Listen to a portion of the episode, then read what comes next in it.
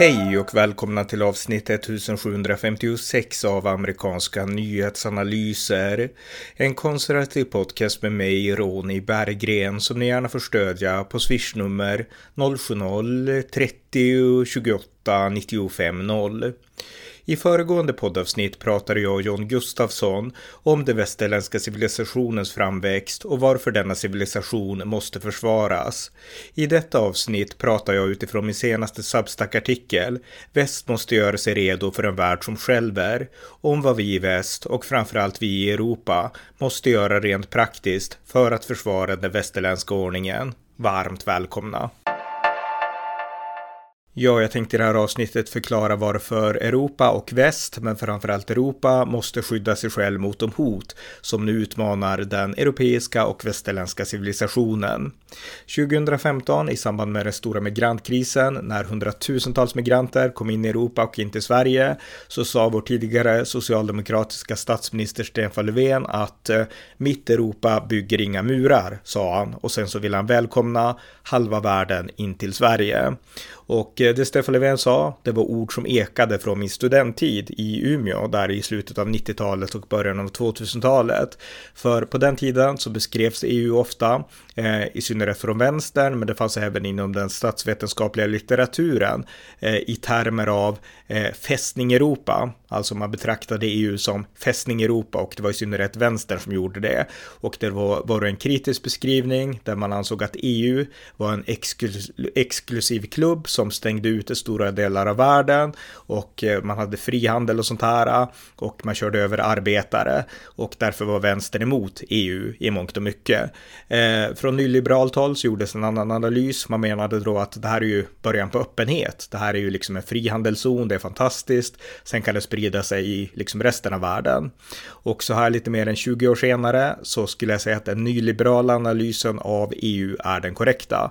EU har inte varit någon fästning som har stängt ute världen, utan tvärtom så har EU öppnat upp världen, eller öppnat upp Europa för världen ska sägas. Vi har haft massinvandringen av miljoner människor från hela världen som har tagit sig in i EU och sen fått fri lejd inom alla EU-länder i princip. Och de enskilda nationerna har inte kunnat sätta så mycket emot när EU har satt sina kvoter och liknande.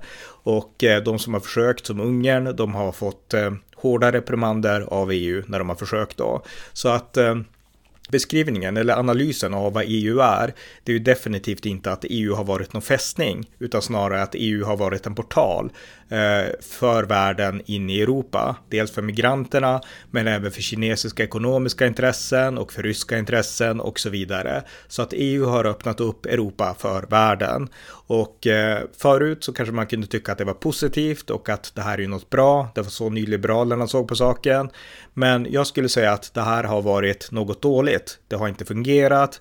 Eh, resultaten har blivit katastrofala med massinvandringen, med farliga kinesiska ekonomiska intressen i länder som Ungern, Rumänien, Italien, Spanien och kanske andra länder, ryska intressen i, i till och med England och så vidare. Alltså att vi har öppnat upp för Europa, Europa för världen, har i mångt och mycket inte gjort Europa bättre. Och därför efterlyser jag en motsatt strategi. Jag tycker att vi bör göra om EU och Europa eh, till att allt mer likna faktiskt den här fästningen som vänstern menade att Europa var för 20 år sedan och som Europa då inte var. Men det är just en fästning vi måste bygga Europa. Vi måste bygga upp våra försvarsmurar. Och eh, det tydligaste exemplet på varför vi måste göra det, det är såklart den ryska invasionen av Ukraina.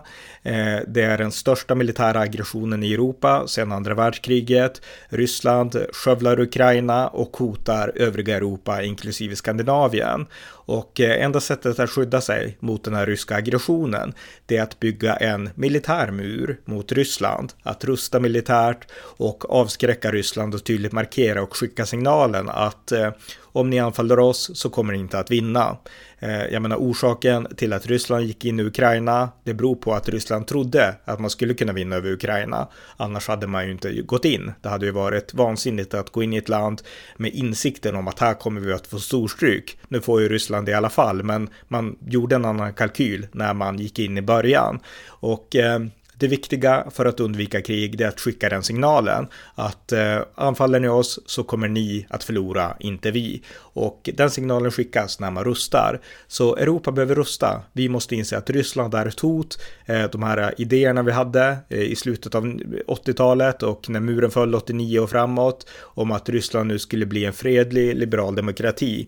Det har inte stämt. Det har varit en felaktig kalkyl och vi måste nu förbereda oss på nya tider och rusta Europa. För det är så vi värnar freden, det är så vi skyddar oss själva. Och eh, här tycker jag att Europa måste tänka ehm, detaljerat på vad ett sånt här försvar innebär. Jag menar Europa är en stor kontinent, vi har inte bara Ryssland att ta, att ta hänseende till och eh, det innebär att det framförallt kanske är de länder som står mest i Rysslands skottglugg som bör ta det främsta ansvaret mot just Ryssland. Där har vi såklart östra Europa som redan är liksom medvetna om det ryska hotet och som i motsats till Sverige och västra Europa inte har varit naiva. Jag menar Polen, Baltikum, Finland också och eh, de flesta länder i östra Europa de har förstått alltid egentligen att Ryssland har potentialen att göra just det Ryssland nu har gjort. Så att de är medvetna och vaksamma och den vaksamheten behövs också i här i Sverige.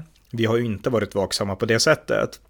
Men det är dags nu att gå med i NATO, det är dags att rusta och eh, östra Europa och eh, länder som Sverige, Norge och Finland, vi har ett extra ansvar att säkra hela Europa mot ryska aggressioner.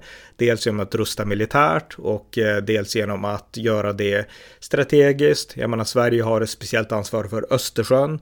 Östersjön är egentligen, när Finland tillhörde Sverige, då var ju Östersjön i princip ett eh, svenskt, eh, in, alltså ett svenskt, en svensk sjö egentligen, när vi ägde Finland. Nu har väl Finland nästan lika stor andel av Östersjön som vi har, men eh, Sverige har fortfarande ett stort ansvar för Östersjön. Vi har Gotland som är en viktig strategisk position.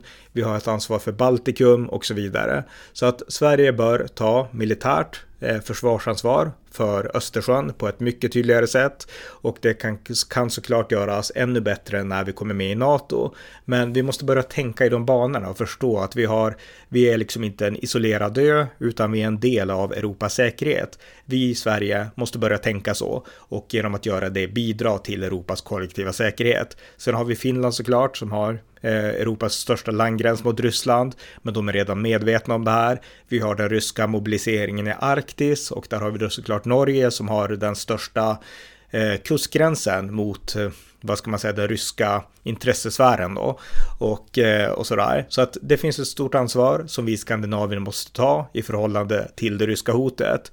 Eh, I södra Europa, då har man kanske ansvar främst mot andra former av hot. Eh, dels så har vi massinvandringen till Europa, en massinvandring som har bidragit till att bryta ner många västerländska värderingar som nu utmanas av miljontals muslimska migranter som har en, som kommer från en annan civilisation än den västerländska, som har liksom islamiska värderingar i grunden, som i mångt och mycket går i konfrontation med kristna och västerländska värderingar. Det påverkar Europa och vi måste stoppa massinvandringen och därför behöver vi en säker gräns över Medelhavet. Vi behöver en säker gräns mot Turkiet så att Turkiet inte kan göra som de gjorde för några år sedan, eh, precis som Vitryssland försökte göra, nämligen använda eh, flyktingar som ett politiskt verktyg för att pressa Europa. Eh, vi kan inte tillåta det ske och sättet att stoppa det, det är att ha en stark gränspolitik över Medelhavet vid Grekland och så vidare. Och eh, där fyller ju länderna i södra Europa en funktion och där har de ett större ansvar. Alltså länder som Spanien, Frankrike, Italien och så vidare. De måste på något sätt fokusera på, på det hotet, för det är också ett hot. Sen har vi också hotet från Kina. Alltså Kina är en växande stormakt i Asien som hotar de västinspirerade asiatiska demokratierna, Taiwan, Japan, Sydkorea och även Indien väster om Kina. Eh, Kina är ett hot och där är det ju USA såklart som kan kontra och som är den stora beskyddaren av de asiatiska demokratierna. Europa har inte så mycket inflytande i Asien, men USA har det och där är det primärt USAs ansvar. Så att om väst, som vars två stora grundstommar idag är Europa och Nordamerika, USA och Kanada. Eh, om vi ska överleva så måste vi på något sätt dela upp det här ansvaret. Alltså vi måste skyddar mot Ryssland och där har då såklart Europa, östra Europa och Skandinavien ett speciellt ansvar. Vi måste skydda från massinvandringen, där har södra Europa ett speciellt ansvar och sen globalt så måste vi ju hantera utmaningen i Kina och det, det ansvaret har USA redan axlat egentligen på egen hand. Men vi har också Mellanöstern, alltså hotet från militant islam och så vidare och att säkra upp de regioner ute i världen som ändå vill leva i frihet och fred. Och där måste vi såklart hjälpa till. Och där har vi alla ett kollektivt ansvar att göra insatser och punktinsatser där vi kan och där vi tror att det kan göra nytta. Så att de här ansvarsbitarna finns och eh, det Europa som i mångt och mycket har tagit väst för given. Vi är inte vana att tänka så här att vi måste skydda oss och att vi måste agera preventivt och liknande just för att vi har tagit vår egen värld för given så länge. Men mitt budskap i den här podden är att det går inte längre att göra. Eh, väst eh, är eh, väst existerar idag i en värld som skälver och enda sättet att överleva inför framtiden det är att stå upp för oss själva och eh, skydda våra egna intressen. Och eh, en annan stomme i detta då, utöver de här sakerna jag pratar om nu, det är att behålla den transatlantiska länken mellan Europa och USA. Som sagt, Europa och Nordamerika är västvärldens två eh, dominanta kontinenter. Sen har vi våra allierade ute i världen, vi har såklart Australien, vi har Israel, vi har de här asiatiska demokratierna, men vaggan för den västerländska civilisationen är Europa och den starkaste aktören för att eh, upprätthålla västerländska värderingar idag i världen globalt är USA. Så att den transatlantiska länken mellan Europa och USA är livsviktig. Det är liksom pulsådern som håller igång hela den västerländska civilisationen och därför måste vi värna våran länk med USA också. Vi måste göra oss av med antiamerikanismen här i Europa, sluta hacka på USA så fort republikanerna styr, utan se USA som den, det frihetens ljus som USA ändå är, oavsett om det styrs av demokrater eller av republikaner. Och sen hålla hårt fast vid den, det vänskapsbandet och det historiska och ideologiska band som vi liksom har sedan urminnes tider med Amerika. Så att det är också en viktig sak. Och eh, för att kunna realisera det här och det behöver realiseras för om det inte görs då kommer väst i slutändan att bli överkört av andra krafter och av andra civilisationer som inte delar våra värderingar. Så att därför måste det här försvaret byggas upp och eh, sättet att realisera det, det är dels att det växer fram ledarskap i Europa med de insikterna som förstår att det behövs ett militärt skydd mot Ryssland och ledare som förstår att Kina är ett hot, som förstår hotet från massinvandringen och islamiseringen.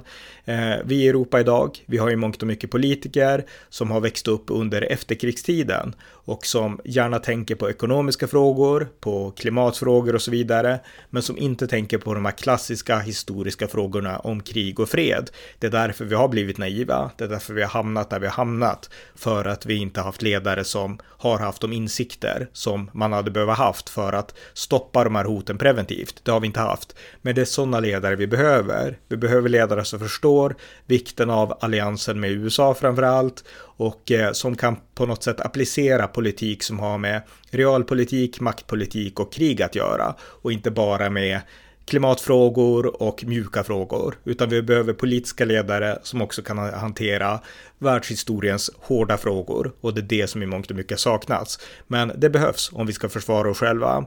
Och eh, sättet för att få det här ledarskapet och eh, vad som också behövs i det här försvaret, det är ett folkligt uppvaknande.